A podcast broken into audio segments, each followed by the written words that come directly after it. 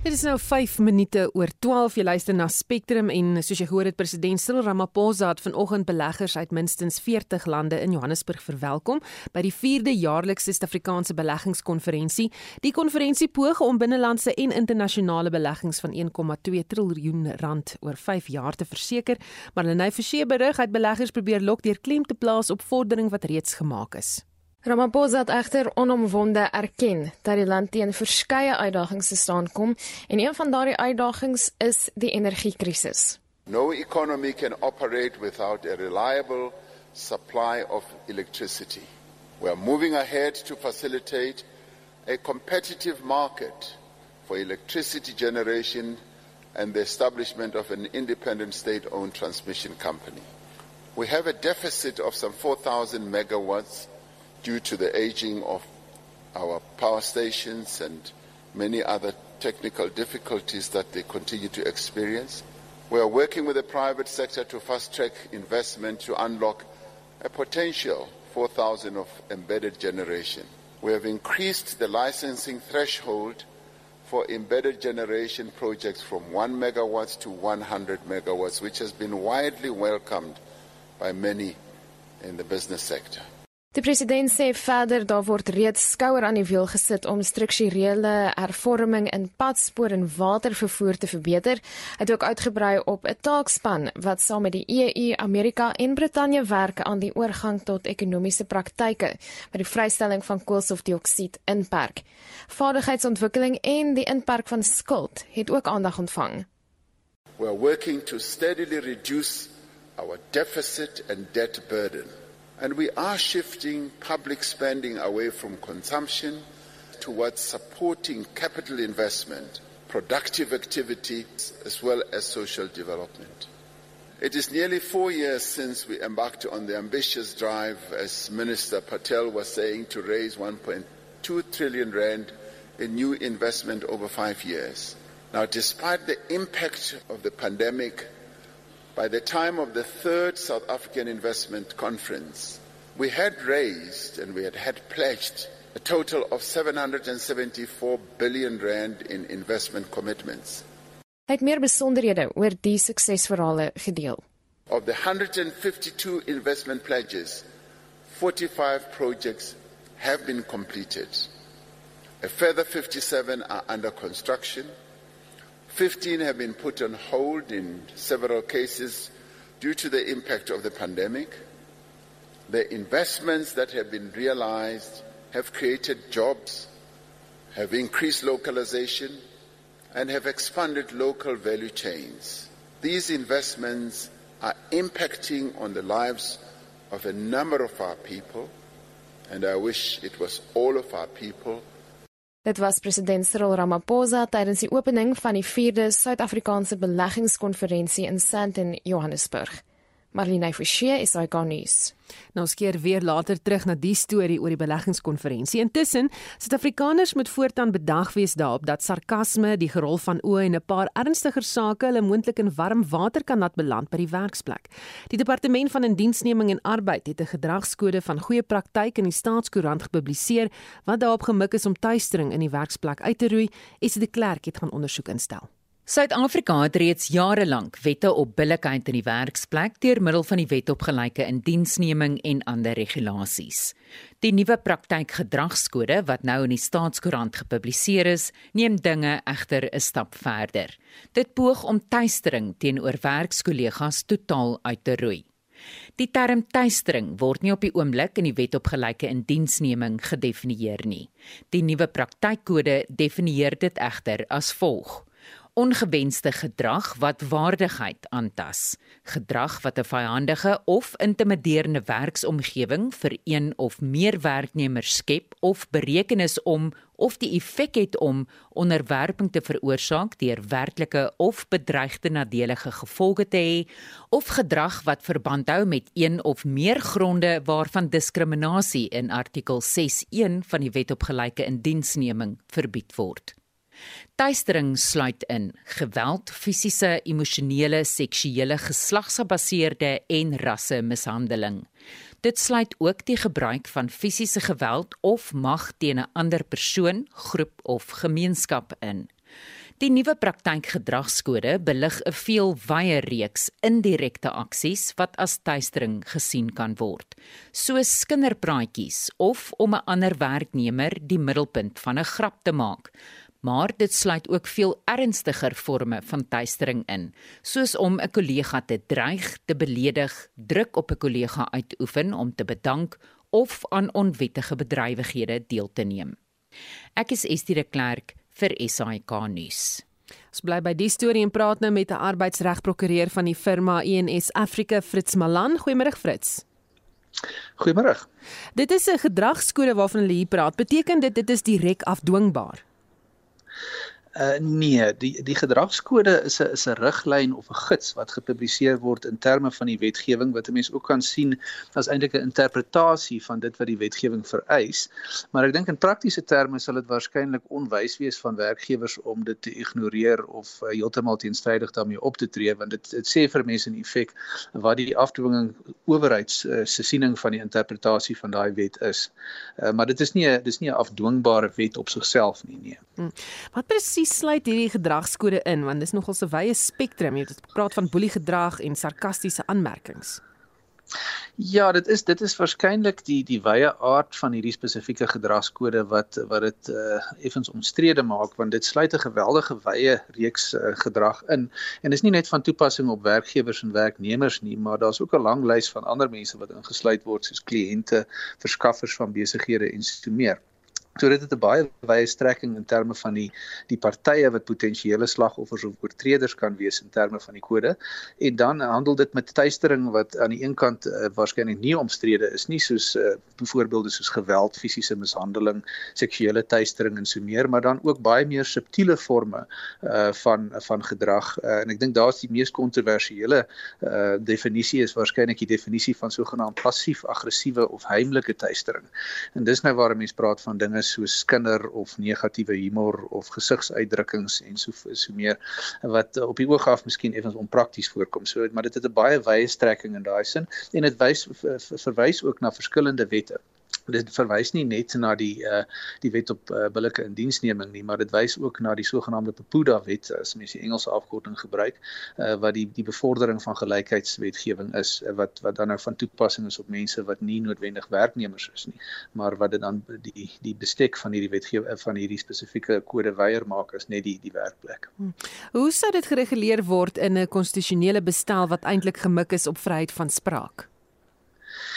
Ja, dis waarskynlik waar die omstredenheid inkom. Ek dink daar is 'n uh, as 'n mens kyk na spesifiek daai een definisie is 'n mens dit soort van kan gebruik as 'n as 'n tipiese voorbeeld, die pas, passief-aggressiewe gedrag uh, om die die gesigsuitdrukkings en die rol van oë en so meer deur mense te reguleer op die oog af mag dalk uh, 'n uh, probleem wees vanuit 'n konstitusionele oogpunt want uh, dit is besig om dan uh, in die soort van fynere besonderhede van mense se daaglikse doen en late inbreuk te maak tot 'n tot 'n taamlike aansienlike mate, maar Ek dink waar daar 'n beperking is wat 'n mens ook net altyd in ag moet neem, is dat uh, dit is net in situasies waar daai gedrag uh, gekoppel kan word aan 'n uh, vorm van diskriminasie uh, waar dit uh, in terme van hierdie kode relevant is. Met ander woorde, mens sal moet vanuit 'n getuienisoogpunt en dis miskien 'n baie onpraktiese ding, sal 'n mens moet kan aantoon dat die gesigsuitdrukking of die skinder of die negatiewe humor of wat dit ook al is, dat dit verband hou met een van die gelyste gronde van diskriminasie soos geslag of ras of seksualiteit of wat dit ook al mag wees. Hm. Ehm um, so dit het nog daai beperking op die ou en dit moet nog bygebring word as 'n vorm van diskriminasie want die kode is op die uit gemik op diskriminasie. Maar daar is 'n potensiële konstitusionele argument met betrekking tot of dit dalk uh, te veel inbreuk maak op mense se persoonlike uh, uitdrukking en en 'n mense se individuele manier van van leef. Ja, sal dit nie die jy weet 'n vroolike grappige atmosfeer in 'n werksomgewing dan nou verhinder nie. Jy weet Suid-Afrikaners word geken aan hulle grappe. Ja, nee nee, ek dink daar is 'n daar's 'n paar praktiese probleme wat 'n mens kan kan voorsien in die verband want daar's die die humor aspek. Uh, dit is so ja, daar's daar's uh, kultureel gesproke waarskynlik is Suid-Afrikaners geneig om, om van humor gebruik te maak en en dit is iets wat uh, mense waarskynlik nie maklik sou kan koppel aan diskriminasie nie. So alhoewel dit in die definisie is, kan 'n mens dit miskien op daai manier prakties wel uh, in in die praktyk uh, hanteer. Maar daar's ander praktiese probleme soos uh, die die moeilike gesprekke wat mense in die werkplek moet hê gesprekke waar daar meningsverskille is, waar daar 'n dissiplinêre implikasie is byvoorbeeld in so meer. En daai gesprekke uit die aard van die saak uh, is ook baie keer robuust van van aard. En as mens kyk na hierdie definisies en en al die maniere waarop mense uh, moontlik kan diskrimineer volgens hierdie hierdie definisies, dan uh, gaan daai gesprekke baie keer uh, moeilike gesprekke wees om om om te onderskei dan nou van 'n diskriminerende gesprek. So so daar is praktiese probleme met die interpretasie van van hierdie kode. Baie dankie ons het gepraat met die arbeidsregprokureur van die firma ENS Africa, Fritz Malan. 17 minute oor 12 jy luister na Spectrum die Diaskari minister van verdediging Kobus Maree het onlangs in die parlement 'n vraag oor weermagopleiding in Kiba gestel. Suid-Afrikaanse soldate word nou al sedert 2014 na die land gestuur om opleiding te ontvang in verskeie velde. Hulle kry self Spaanse lesse. Dit terwyl plaaslike opleidingsfasiliteite volgens Maree nie ten volle benut word nie en ons praat nou met hom. Goeiemôre Kobus. Goeiemôre Susan, goeiemôre aan jou luisteraars. Wat bied Kiba aan wat ons eie opleidingsfasiliteite nie het nie? Vra jy vir my wat ek dink, dan sê ek vir jou hulle het niks nie. Ehm um, dan as vra jy vir my, jy weet wat die wat die weermag argumenteer, uh dan dan argumenteer hulle dat van die beste opleidingsgeleenthede uh in die buiteland is van Kiba af beskikbaar dat dit blykbaar glad nie van ander lande af beskikbaar was nie en dat hulle selfs Afrika lande 'n voorkeur gee bo lande soos Amerika, uh Brittanje waar ons Hawks vandaan kom, Swede waar ons Gripens vandaan kom, uh Switserland waar ons Pilatus vliegtye vandaan kom. Ehm um, en en so kan ek aangaan. Ehm um, so so dit is 'n vreemde ding. Ehm um, en en ons sit hierso met 'n situasie beide Denel is in 'n enorme penarie ehm um, as ook werkskepping en ekonomiese uh, ontwikkeling en groei in Suid-Afrika.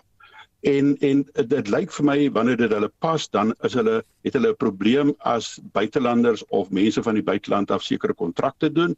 Wanneer dit hulle pas dan sluit hulle oë daarvoor vir die penarie wat ons binnelands het en dan vloei daai biljoene rande uh, sonder enige uh, skroom of teenstand vloei dit net na Kiba toe spesifiek. So daar's 'n absolute fiksasie met Kiba asof hulle alles vir ons kan doen in die wonderstafie het. Hmm.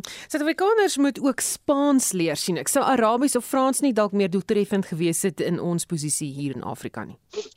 Wel, verseker sal daai meer van toepassing gewees het, maar onthou net daai dit dit is ons vleieniers se se leerlinge wat dan nou in Kiba gewees het en wat dan nou eerste jaar moet Spaans leer.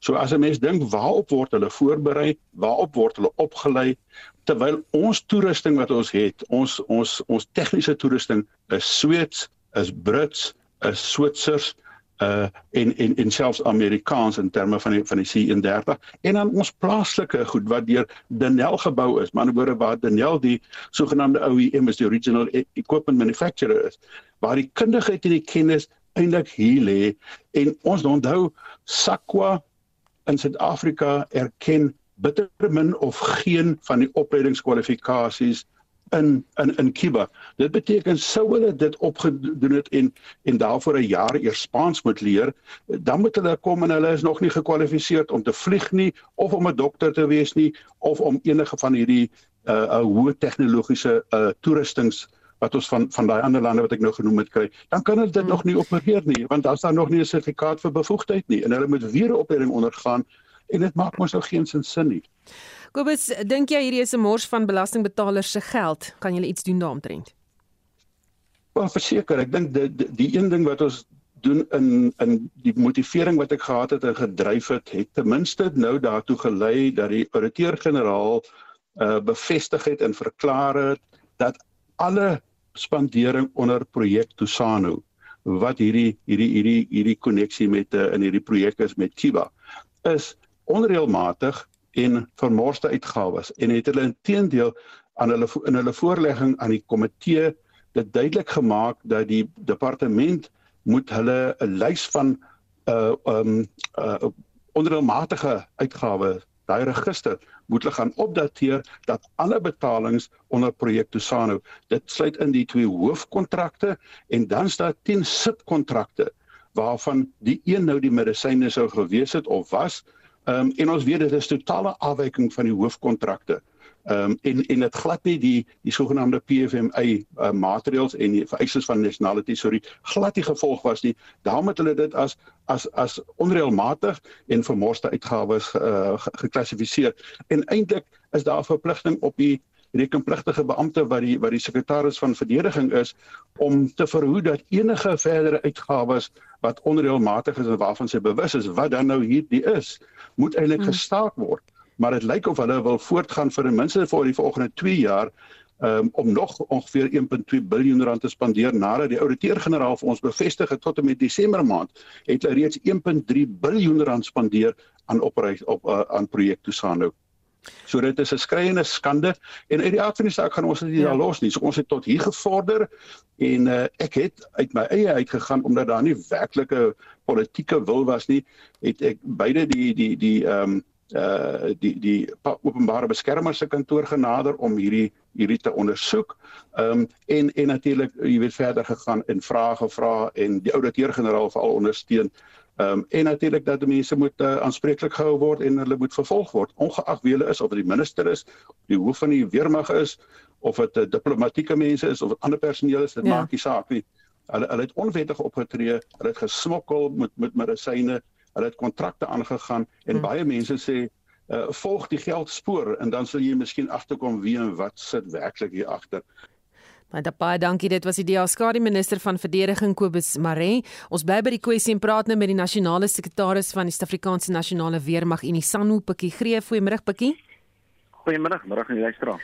Wat is SANU se standpunt oor hierdie kwessie? Ek dink ons is al 'n paar jaar besig om stof daaroor op te skop, maar jy weet dit val op doewe ore. Ons het nou al tal, talle male sonder tal gewaarsku teen hierdie projek Tusano en uh die die uh, vermorste kostes wat dit teweegbring. Ons het al uh baie sake gehad waar mense ons uit Kiba uit kontak lede van die weermag om te kla oor die omstandighede waaraan hulle blootgestel word. Uh die nuutste wat nou maar hierdie uh vermorsing met 'n uh, klomp uh, uh, uh, uh potensiële vegvlieëniers wat baie gestuur is vir opleiding en toe daar word daar toe onwetenskaplike toetse gedoen en bevind dat hulle nie geskik is vir die kursus nie, hulle word ten duurste teruggestuur uh met 'n vliegtuig wat 2 miljoen rand gekos het vir die belastingbetaler. Die vraag is natuurlik hoekom word die mense in die eerste plek nie getoets voor gestuur word nie. Die omstandighede daar is onhoudbaar. Die mense is as krygsgevangenes behandel in 'n militêre kamp in plaas van studente. Uh die opleiding wat die Kubane verskaf is presies soos wat uh Kobus Marino net die luisteraars gesê het, is heeltemal substandaard en onvanpas vir die omstandighede in Suid-Afrika en vir die toerusting en die uitrusting waarmee ons soldate en die doktrines waarmee ons soldate en en medies uh, uh, militêre personeel moet werk. Uh dit gaan nie verstand te bowe dat die regering al stadig vaskop en dit veral in die departement van verdediging om bly geld te voer na die Kubaanse regering toe. Soos nou onlangs weer gesien het in 'n siviele aangeleentheid met met uh die hof van sekere teen die regering geslaag het om die 50 miljoen oordrag te keer. Mens moet vra waarheen gaan hierdie geld skoor? Wie is besig om baat hieruit te vind? Want die totale projek is net geheel en al uh, sinneloos. Nou julle was al klaar hof toe, daar is nou hofsaake oor daai geld wat jy van gepraat het. Enigiets anders wat julle nog gaan doen want dit lyk nie of as mens net praat enigiets gebeur nie. Wel jy weet ek dink mense sal nou maar met druk uitoefen uh op die uh, soos uh, Kobus Marino genoem het die aangeleentheid is nou by die openbare beskermer gerapporteer. En mense moet maar kyk waar jy in daai ondersoek gaan uh, en dan druk uitoefen na aanleiding van die ondersoek dat die nodige uh uh, uh konsekwensies wat daai uitvoer uitgevoer word. Uh ons is redelik seker dat daar kriminele oortredings gepleeg is in die totstandkoming en die onderhouding van projek Tusano en ons dink dat daar redelike senior mense is wat aan die aan die uh uh aan die kak gestel gaan word met hierdie hele aangeleentheid. Ek dink ons moet bly as die publiek en as unies en en politieke partye druk op die staat uitoefen sodat ons die nodige uh uh skirminkels in hierdie saak kan vasvang. Baie dankie. Dit was die nasionale sekretaris van die Suid-Afrikaanse Nasionale Weermag Unie Pikkie Greef. Die binnengevegte in die ANC is 'n kommerwekkende situasie wat in 'n nasionale probleem ontaard het, meen kenners wat aan 'n webinar van die aanlyn publikasie Daily Maverick deelgeneem het. Om sy eie indrukke hieroor met ons te deel, praat ons nou met die politieke ontleder Dr Piet Kroukamp. Goeiemôre Piet. Goeiemôre Susan. Wat reken jy is die oorsake van die ANC se faksiegevegte? Ehm um, die oorsake van die faksiegevegte is onthou net daar's geen politieke verskynsel, een enkele oorsaak nie. Dis altyd verskeie faktore wat inspel op die faksiegevegte. Uh, die die een is sê maar plaaslike regeringsvlak weet ons reeds kort na verkiesing uh, is daar 'n party lysstelsel, party mense vul bepaalde poste en iemand word weggelaat en daar's 'n bepaalde insentive om die persoon aan die bokant te verwyder want dan skuif jy op in die lys en dis hoekom jy dis hoe jy bevoet onder meer 'n verklaring kan vind vir die politieke moorde wat KwaZulu-Natal, dele van Gauteng en Mpumalanga plaasvind. So dis deel van die binnengevegte van die ANC. Dan kan jy seker sê as jy wil dat daar minstens daar is nie twee faksies binne die ANC nie. Dit is dis meer gekompliseer as dit. Maar mens kan tog sê dat daar geweldige hoeveelheid individue in sommige magsposisies is, in sommige in, in sterk bestuursposisies is. En van hulle op 'n of ander manier se se die toeganklikheid wat hulle tot die staatskas sit word geïnhibeer deur die feit dat Ramaphosa uh die reëls dalk 'n bietjie meer streng gemaak het uh die aan die een kant. Aan die ander kant is die geld is ook 'n bietjie minder. Ons die die staat is eenvoudig net bankrot en dat dit bepaalde gedragspatrone binne die ANC het. En dan is daar natuurlik individue, noem dit nou maar die Ramaphosa kant, maar mense moet nou nie die indruk skep dat die Ramaphosa kant gesaniteer is van die onwaarskynlikheid van van van van, van korrupsie en misdaad nie, maar daar's individue daar wat sê net maar 'n bepaalde belang het om korrupsie aan te spreek. En dit is alles op 'n of ander manier speel dit in op wat mense kan onbestendigheid binne in die party noem. As as ek net gou laas dink as jy as jy nou na takvlak te beweeg, dan is dit 'n totale nuwe politieke dinamika wat daar plaasvind. Daar is bestuursposisies is uiters belangrik en indien mense nie in bestuursposisies daar kom nie, uh het dit weer 'n effek op hulle toegang wat lê net sommer tot tenders byvoorbeeld op plaaslike regeringsvlak en die waarskynlikheid dat op die provinsiale komitee van die ANC gaan dien ensovoorts. So dis 'n klomp magspolitiese gevegte maar korrupsie speel 'n rol en uh, verseker speel hierdie chaos wat reeds binne die ANC bestaan vir die laaste twee dekades omtrent speel ook 'n rol. Dink jy as die geld nie opgeraak het nie dat sake anders sou gestaan het? Jy weet dat hierdie ding nou heeltemal anders sou uitgedraai het. Kyk as jy kyk onder Tabo Mbeki byvoorbeeld, net toe was daar baie geld. Die ekonomie het hier rondom 5% gegroei vir 'n sekere hoeveelheid jare en ons het minstens 8 miljoen uh werksgeleenthede geskep. Ons het 'n swart middelklas byna oornag gevestig in daardie tyd was daar minder onbestendigheid kan 'n mens in 'n sekere mate sê binne die ANC, maar dit is ook so dat Thabo Mbeki mag in sy kantoor gesentraliseer het. Hy het die burgemeesters aangewys, hy het besluit wie se provinsiale premiers, hy het die takke het hy beïnvloed met wat daar gebeur. Met ander woorde, dit was in dieselfde tyd wat jy geweldige ekonomiese groei gehad het, het jy ook 'n repressiewe tipe van politieke kultuur binne die ANC gehad en dit het 'n mate van bestendigheid teweeggebring. Toe uh, uh, Jacob Zuma aan beheer kom, het hy onmiddellik nou, hy het besef dat dit is die rede hoekom Thabo Mbeki verwyder is juis hierdie repressiewe kultuur, juis die mag wat hy weggekalb het van die burgemeesters en van die provinsiale leierskap. En hy het al hierdie magte hy weer teruggegee. En in daardie tyd sê die verslag van Chipkin waarvan julle nou praat, sê onder meer dat in daardie tyd was daar juis 'n verhoging 'n verlaging in enige vorm van noem dit maar weerstandigheid in die staat. Maar as jy die faktore wat daar 'n rol gespeel het en teen die binne die ANC, faktore wat daar 'n rol gespeel het was weer dat uh, nisvas het byvoorbeeld uitgebrei onder studente politiek. Geweldig baie mense het binne die staat uh, werk gekry. Die staatsdiens het, het eksponensieel verhoog en toelaas het eksponensieel verhoog. En in daai dit is vir faktore wat ek dan sou kyk wat sal verklaar hoekom daar relatiewe bestendigheid vir 'n groot deel van daardie tyd binne binne die ANC was. Nou as jy dan kyk met Ramaphosa is daar weer relatiewe relatiewe onbestendigheid wat intree, maar nou moet jy die faktor van geweldige hoë werkloosheid ehm, moet jy eh, moet moet jy verdiskonteer en die feit dat die staat eintlik 'n relatiewe afwesige staat is. Met ander woorde as jy nie ekonomies groei nie en jy deel nie patronaatskap uit nie en jy het hoë werkloosheid uh, en so 'n lae ekonomiese groei, dan kry jy dat daar weer ek noem dit ek verwys daarna as die internal combustion of a fractured sociology. Met ander woorde die onbestendighede, die teenstrydighede wat binne in die samelewing staan, spoel oor in partytetiek en in spoel in binne in die staat en, en ek dink dis waar die ANC nou staan. Dis hoekom ons dink keer dat onder uh, uh, Ramaphosa terwyl ons verwag dit moet beter gaan, gaan dit eintlik baie slegter met die ANC. Hmm. Hoe gaan die land uit hierdie knyptang politieke situasie kom? Nee, daar's nie daar's nie korttermynplanne nie. Ons het nie ekonomiese groei nie. Daar's bitter min wat ek sien dat die die, die president neem bepaalde beleids uh, standpunte in wat 'n mens as progressief kan beskou en wat gemik is op die, daarop om ons hier uit te kry. Maar ongelukkig dink ek die enigste manier en dit is nou maar die sad een. Uh die enigste manier is jy moet van die ANC ontslaa raak. Die ANC kan nie Suid-Afrika beter bestuur nie. Uh ek dink hulle die draadwerk, die die bindings, die bindingsweefsel wat jy nodig het, die koherensie wat jy nodig het om 'n land te bestuur dat die party verloor as gevolg van teenstrydighede en konflik aan die binnekant. Baie dankie, dit was Dr Piet Kroukamp, hy's verbonde aan die Noordwes Universiteit se Sakeskool. Die taksivereniging Skata aan Kodeta het vanoggend grootskaalse ontwrigting veroorsaak op die N2 in Kaapstad. Hulle het die padversperring gesê hulle gaan nie of hulle gaan na die premier se kantore opruk. Die sekretaris van Kodeta, Nkeba Enge, het vroeër aan SAK nuus gesê hulle is ontevrede dat operateurspermitte vir sekere gebiede nie uitgereik word nie en oor die owerhede wat dan die taksies onnodig skud. We are upset because they impounded and there are tickets that you should pay before you release your van. And what happens is that if you compare Western Cape with Eastern Cape, the charges are not the same. In the Western Cape, we pay about 7.5, but in Eastern Cape, if the van is impounded, you pay about 2.5. So those are the reasons why we are embarking on this strike today. Another thing that you need to understand is that the trains are not working in Cape Town. And therefore, there are roads that have been opened by the taxi industry in order to ferry the commuters to their employers. But now, what we have asked the government of the Western Cape is to have moratorium, you know, on impoundment so that we can be given the special permit. But that did not happen. They are targeting exactly those areas. So that is our feeling.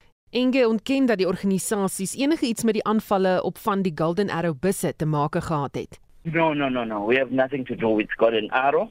But now what we are experiencing is that the police officers were trying to block us on the N2 and I don't know what is the reason to block us whereas we've got a permit to embark in this month.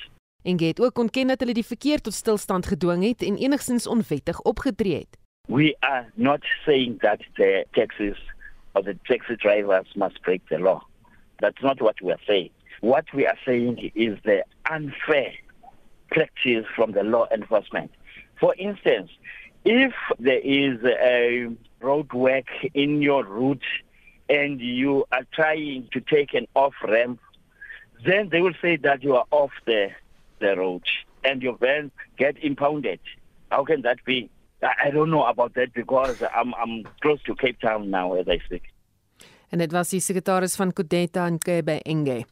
Ons het vroeër berig dat president Cyril Ramaphosa vanoggend beleggers uit minstens 40 lande in Johannesburg verwelkom het by die 4de jaarlikse Suid-Afrikaanse Beleggingskonferensie. Ons praat nou hieroor met die beleggingsstrateeg en direkteur van Brenthurst Wealth Management, Magnus Heistek. Goeiemôre Magnus. Goeiemôre uh, Susan en luisteraars. So hoe suksesvol is die beleggingskonferensies om suksesvolle beleggings vir die land te verseker? Dit is altyd moeilik om dit te bepaal. I mean, die konferensies gaan gepaard met 'n uh, met 'n baie groot gejuig en 'n 'n opleweling op die ophemeling van van van die projekte en en uh, almal stap weg met 'n warm gevoel maar daarna begin die analiste die goeders bietjie meer ontleed en dan vind hulle uit daar's baie val, nie valse beloftes nie maar leë beloftes wat gemaak word. En dit het begin met die, met die eerste beleggingskonferensie al 4 jaar gelede. Daar's nou nog steeds wantroue oor oor van die syfers wat aangekondig is en die projekte wat aangekondig is en ek het vanoggend 'n berig gelees dat van die uh, skaars 312 miljard van die sogenaamde 1.2 triljoen rand uh, het uh, is al is al gespandeer en het, het, het is al wesenlike projekte. Baie van daai projekte is nog in die beplanningsfase en die besprekingsfase en ook van die groot projekte was projekte wat al voorheen aangekondig was, maar wat net bygevoeg was om die getalle beter te laat klink. So daar's 'n baie groot mate van wantroue uh in in wat gesê en gedoen word by hierdie by hierdie seminar. Hmm. Sal die beleggingsdoelwit wat president Ramaphosa dan nou daar gestel het bereik kan word? Dis dis moeilik om te sê en dit is onwaarskynlik dat dit bereik sal word in die in die huidige ekonomiese klimaat en ook die weet die die die die konjunktuur waar in die Suid-Afrikaanse ekonomie tans is. Daar's net te veel negatiewe faktore wat uh, dit moeilik maak om daai teikens te behaal. Mens as mens kyk na 2018 toe daar begin is met die uh, beleggingsseminare en waar ons nou is, ons kyk na die amper ineenstorting van sekere dele van ons uh, spoornetwerk, van ons padnetwerk wat in duie stort, ons elektrisiteitsvoorsiening en en dan het jy ook die onrus verlede jaar in in KwaZulu-Natal en Gauteng. Nou die groot buitelandse beleggers is is baie bewus van al hierdie dinge. Hulle het hulle eie analiste op die grond wat 'n uh, uh, baie meer objektiewe interpretasie gee van wat aan die gang is. En baie van hulle is baie baie negatief oor wat wat hulle kry van van Suid-Afrika. Uh en en bloot eenvoudig hulle hulle glo die regering net nie meer nie. As ek byvoorbeeld kan verwys na 'n artikel vanoggend in Business Day, die die prominente sake bladsy deur die uh, deur Pieter Bruce waarin hy praat juis oor hierdie uh, seminar en dis 'n uiters lang en sarkastiese aanval op die regering. Blootweg sê Pieter Bruce uh uh en hy onthou hy het voorheen vir Cyril Ramaphosa gesteun en toe hy redakteur van die koerant was. Hy het bloot, hy het bloot eenvoudig net gesê moet die regering nie glo nie. Dis alles ydelle droompraatjies. Almal praat mekaar warm en dit is klink mooi, dit klink fantasties, maar die maar maar maar die land gaan teleurgestel word met die uitvoering van daardie projek. En ek dink dis 'n 'n goeie op op op uh op opsomming wat mense van baie analiste kry. Hulle sê bloot eenvoudig, ons glo nie met die regering nie, ons glo nie met die ANC nie. En en en baie van daai uh projekte is maar pypdrome. Hmm. Ramaphosa het na Eskom verwys in sy openingstoespraak. Sou meer maatskappye belê in die land as die al ewige gevaar van beerdkrag nie oor hulle koppe gehang het nie. O, oh, absoluut. I mean as jy 'n myn wil open of 'n groot fabriek, uh is een van jou groot vrae is kan is daar 'n verskaffer wat my van vir, vir die volgende 20 of 30 jaar vir betroubare energie sal voorsien en teen watter koste? En dit is waar die die groot probleem inkom. Die die kragvoorsiening is nie meer betroubaar nie. Uh ons sien dit in die, in die groot uh aantal kere wat ons beedkrag het, onvoorsiene beedkrag. En dan tweedens styg die koste van elektrisiteit teen so 'n fenominale spoed dat dit amper onekonomies is om 'n uh, aanleg in SA uh, op te rig. As jy kyk na die fort aanleg buite Pretoria en Rosslyn. Hulle het hulle eie kragopwekking, hulle het hulle eie spoorvervoer.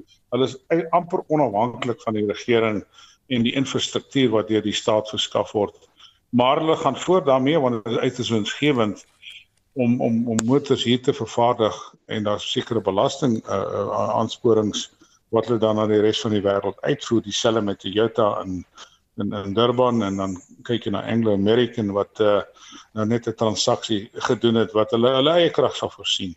Nou nie almal is so kapitaalkragtig om te doen nie. Jy is afhanklik van 'n Eskom of 'n of 'n of 'n plaaslike owerheid om die infrastruktuur te verskaf om te onderhou en ons het gesien met met Clover wat sy fabriek geskuif het van Lichtenburg na uh, die Durban omgewing ons sien die probleme van Astral Foods in Standerton eh, waar hulle eie water moet gaan gaan gaan van suiwer en skoon maak.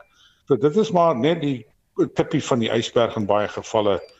En as ek met fondsbestuurders in Londen of New York praat, sê hulle dat ongelukkig Suid-Afrika nie meer op die radar van die van die van die groot pensioenfonde, beleggingshuise ensovoorts nie. Baie dankie ons het gepraat met die beleggingsstrateeg en direkteur van Brenthurst Wealth Management, Magnus Heistek.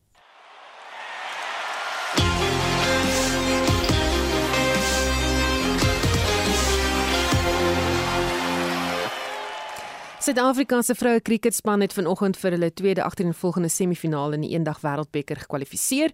Spel is wel afgelas weens reën tydens hulle wedstryd teen die Wes-Indiese eilande en soos Oudo Karel se vertel, het die verslag of die uitslag 'n verrykende impak op die span se kansse om hul heel eerste wêreldbeker finaal te bereik. Goeiemiddag Oudo. Middag Susan. Hoe dan so? Wel, kom ek sê net uit die staanspoor na jare waar reën in Suid-Afrikaanse krieket mense soos olie en water het ons uiteindelik iets te danke aan die aanhoudende druppels wat so derendheid met ons trane gemeng het. Vandag se afgelaste wedstryd beteken dat Suid-Afrika aanskuif na 9 punte. Australië het reeds 12 punte. Hulle kan nog aanskuif na 14 punte na môre se wedstryd teen Bangladesh. Nou wat die res van die spanne betref, Engeland sit nou op 6 punte na vanoggend se sege met 9 paaltjies oor Pakistan en die Rose speel Sondag hul laaste groepwedstryd teen dieselfde Bangladesh en 'n oorwinning sal hulle dan tot op 8 punte bring. Indië se laaste wedstryd kom ook Sondag voor, dis teen ons vroue span en selfs wen hulle, kan Indië ook net met 8 punte eindig. So ons dames wat uh, die groep rond in tweede plek afsluit, is nou buite bereik van die res van die spanne op die punte leer onder hulle. En tweede plek beteken ook dat Suid-Afrika Australië in die semifinale uh, semifinaal sal vermy. Die topspan speel teen die vierde beste span en dan posisie 2 sal uh, teen posisie 3 speel.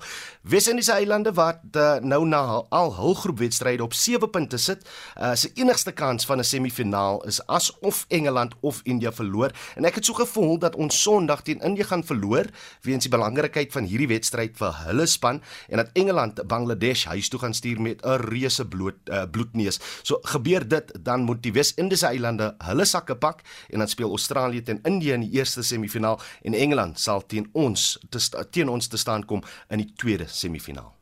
Met die mans Proteas is dit natuurlik 'n heel ander storie nadat Bangladesh Suid-Afrika kaf gedraf het in die derde eendag wedstryd van die reeks en ook sodoende geskiedenis gemaak het.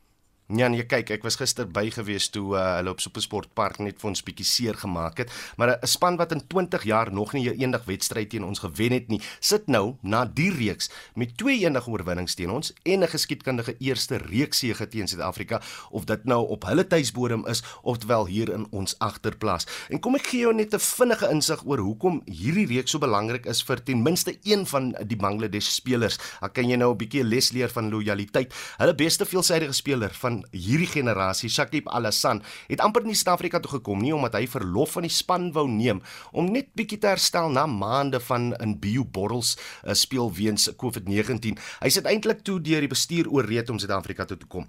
Sondag, net Sondag na die Pinkdag wedstryd, kry hy toe 'n boodskap uit Dhaka in Bangladesh dat sy ma sy skoonma en albei albei se twee jong kinders in die hospitaal opgeneem is met verskeie kwale en die span het toe plan gemaak om hom maandag reeds huis toe te te vlieg om met sy familie te wees. Shakib besluit toe, nee, kom ek speel eers in die derde eendag wedstryd, juis omdat hy uh, dit vir sy nasie so 'n belangrike wedstryd was en so het hulle nou ook geskiedenis gemaak. Hy het ook 'n fantastiese bydrae gelewer gister.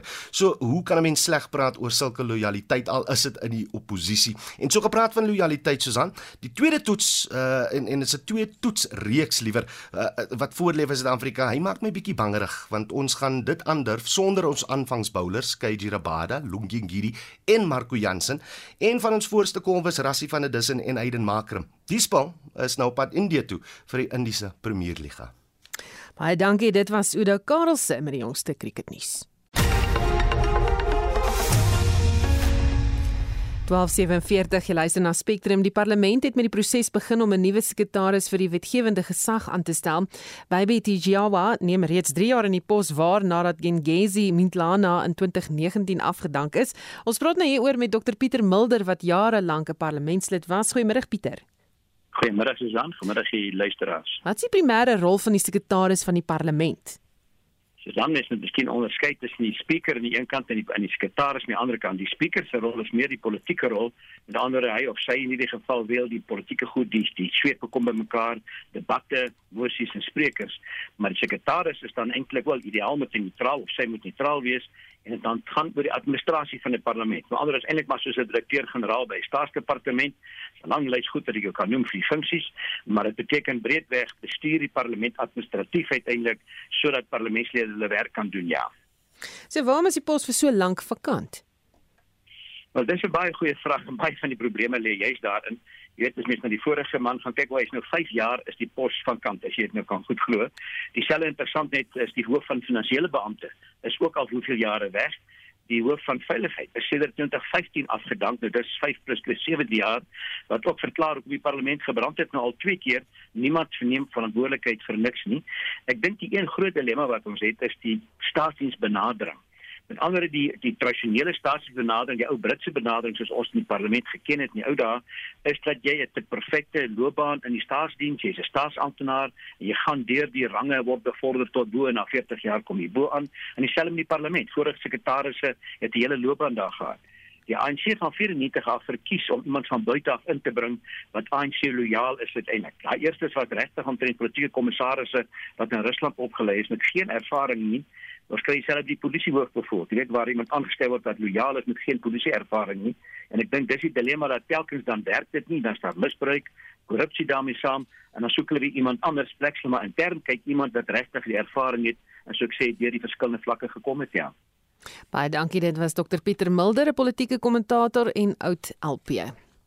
Die Gamtoes verlei die afgelope paar jaar ook derentyd waterprobleme ondervind. Ter viering van Waterweek van dese week sluit Rinet Koleski, hoofuitvoerende beampte van die Gamtoes Besproeiingsraad, nou by ons aan. Goeiemôre Rinet. Hallo Susan. Wat is die eh, watersituasie daar by julle op die oomblik?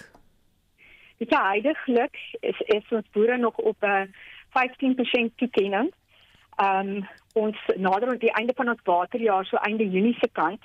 So hulle sal uh, daai toekenning hê tot dan, maar ons sit daarmee in 'n beter situasie in terme van die damvlak. Die damvlak is vir oggend 14.3% nou laas jaar hierdie tyd was dit maar 5.6%. So die waterbeperking word nou weer bepaal hier om en by die die 1 Julie, so ons het gehoop dat dit darem meer sal wees as die 15% wat toegeken is laas jaar. Hmm.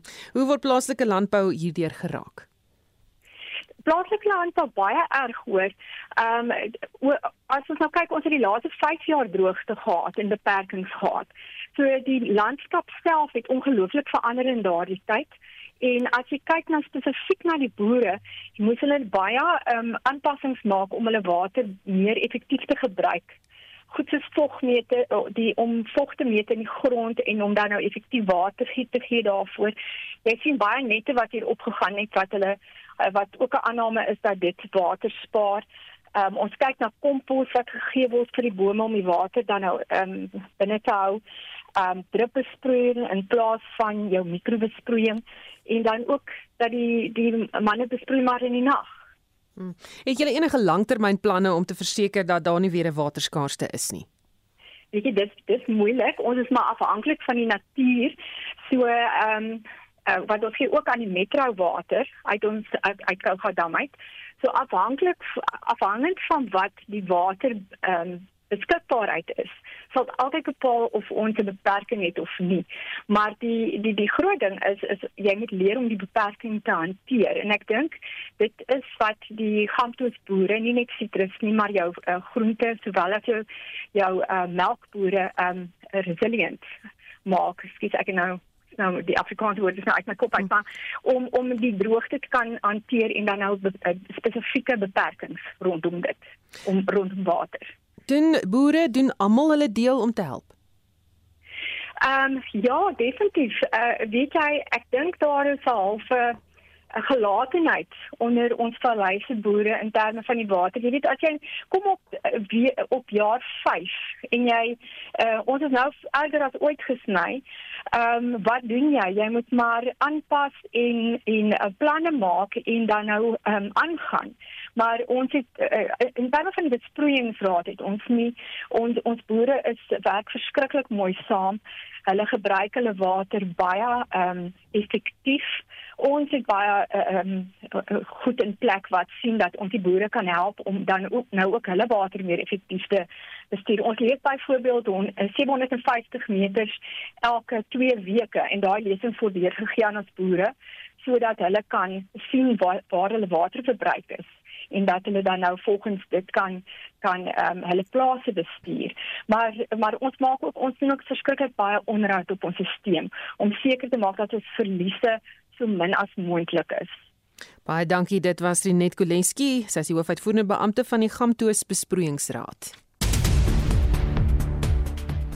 Marlene Forsie sluit nou by ons aan met die afgelope uur se hoofnuus en stories wat nog ontwikkel en ons begin met finansiële nuus. Ja, Susan, ekonome waarsku dat die Reservebank waarskynlik vanmiddag rentekoerse met tussen 25 en 50 basispunte gaan verhoog, dit terwyl verbruikers reeds 'n opdraande stryd voer wat hoë kos en brandstofpryse betref. En dan in Kaapstad is die N2 tussen die middestad en Khayelitsha nou weer oop vir verkeer. Dit volg na 'n geweldige of eerder gewelddadige betogings deur onvergenoegde taxi-bestuurders, busse, taksies wat nie deelgeneem het aan die betoging nie en selfs private privaat voertuie is deur betogers beskadig. Ek sien video's op Twitter wys hoe vensters uitgeslaan word, hoe passasiers gedwing word om uit busse te klim, deur selfs by die vensters uit te klim. En ek sien hier hulle het in Kaapstad aangekom. Daar's 'n hoë polisie teenwoordigheid en die betogers is daar hulle wil 'n griefskrif aan premier Ellen Windy oorhandig. Dan 'n ander nuus sarkasme kan jou heel moontlik by die werk in die soplat beland. Nuwe wetgewing poog om verskeie forme van tuistering hok te slaan, die arbeidsregkenner Fritz Malan dit is net in situasies waar daai gedrag uh, gekoppel kan word aan 'n uh, 'n vorm van diskriminasie uh, waar dit uh, in terme van hierdie kode relevant is. Met ander woorde, mens sal moet vanuit 'n getuienisoogpunt en dis miskien 'n baie onpraktiese ding, sal 'n mens moet kan aantoon dat die gesigsuitdrukking of die skinder of die negatiewe humor of wat dit ook al is, dat dit verband hou met een van die gelyste gronde van diskriminasie soos geslag of ras of seksualiteit of wat dit ook al mag wees en dis in 'n so heelwat ontevredenheid oor die opleiding van Suid-Afrikaanse soldate in Kiba. Nou dit het Suid-Afrika sedert 2014 bykans 360 miljoen rand uit die sak gejaag. As jy gaan sommetjies doen, is dit so tussen 45 en 50 miljoen rand per jaar. Wanneer dit hulle pas dan sluit hulle oë vir die penarie wat ons binnelands het en dan vloei daai biljoene rande sonder enige skroom of teenstand net na Kiba toe spesifiek. So daar's 'n absolute fiksasie met Kiba asof hulle alles vir ons kan doen in die wonderstafie het. Ek dink ons is al 'n paar jaar besig om stof daaroor op te skop, maar dit val op dowe ore. Ons het nou al tal male sonder tal gewaarsku teen hierdie projek Tusano en die vermorste kostes wat dit teweegbring. Ons het al uh, sake gehad waar mense ons uit Kiba kontak lede van die weermag om te kla oor die omstandighede waaraan hulle blootgestel word. En dan in monitor môre navorsing deur die RGN toon dat vertroue in die polisie tot 'n nuwe laagtepunt gedaal het en die span ondersoek die sogenaamde renoster effek. Nou dis 'n beleggingsinstrument wat pas bekend gemaak is. As jy nuuskierig is, skakel môre in tussen 6 en 8 uur op RSG. En dit was Marlene Forsie met die afgelope uur se nuusgebeure. Net so voor ons heeltemal groet, daar lê iets in die pad op die N1 Noord net na Beyersnodee Rylaan. Dit is nou hier in Gauteng. Een van die bane is versper as gevolg van dit. Hulle sê nie wat dit is nie, maar as jy by die N1 is rigting Noord, net na Beyersnodee, daar lê iets in die pad. Ehm um, wees maar versigtig daar. Onthou vorige uitsendings van Spectrum is beskikbaar op potgooi. Gaan net na RC se webblad www.rc.co.za en ons groet namens ons uitvoerende regisseur Nicoline de Wet, die redakteur Justin Kennerly en produksieregisseur is Daitrin Godfrey. My naam is Susan Paxton bly ingeskakel vir 360.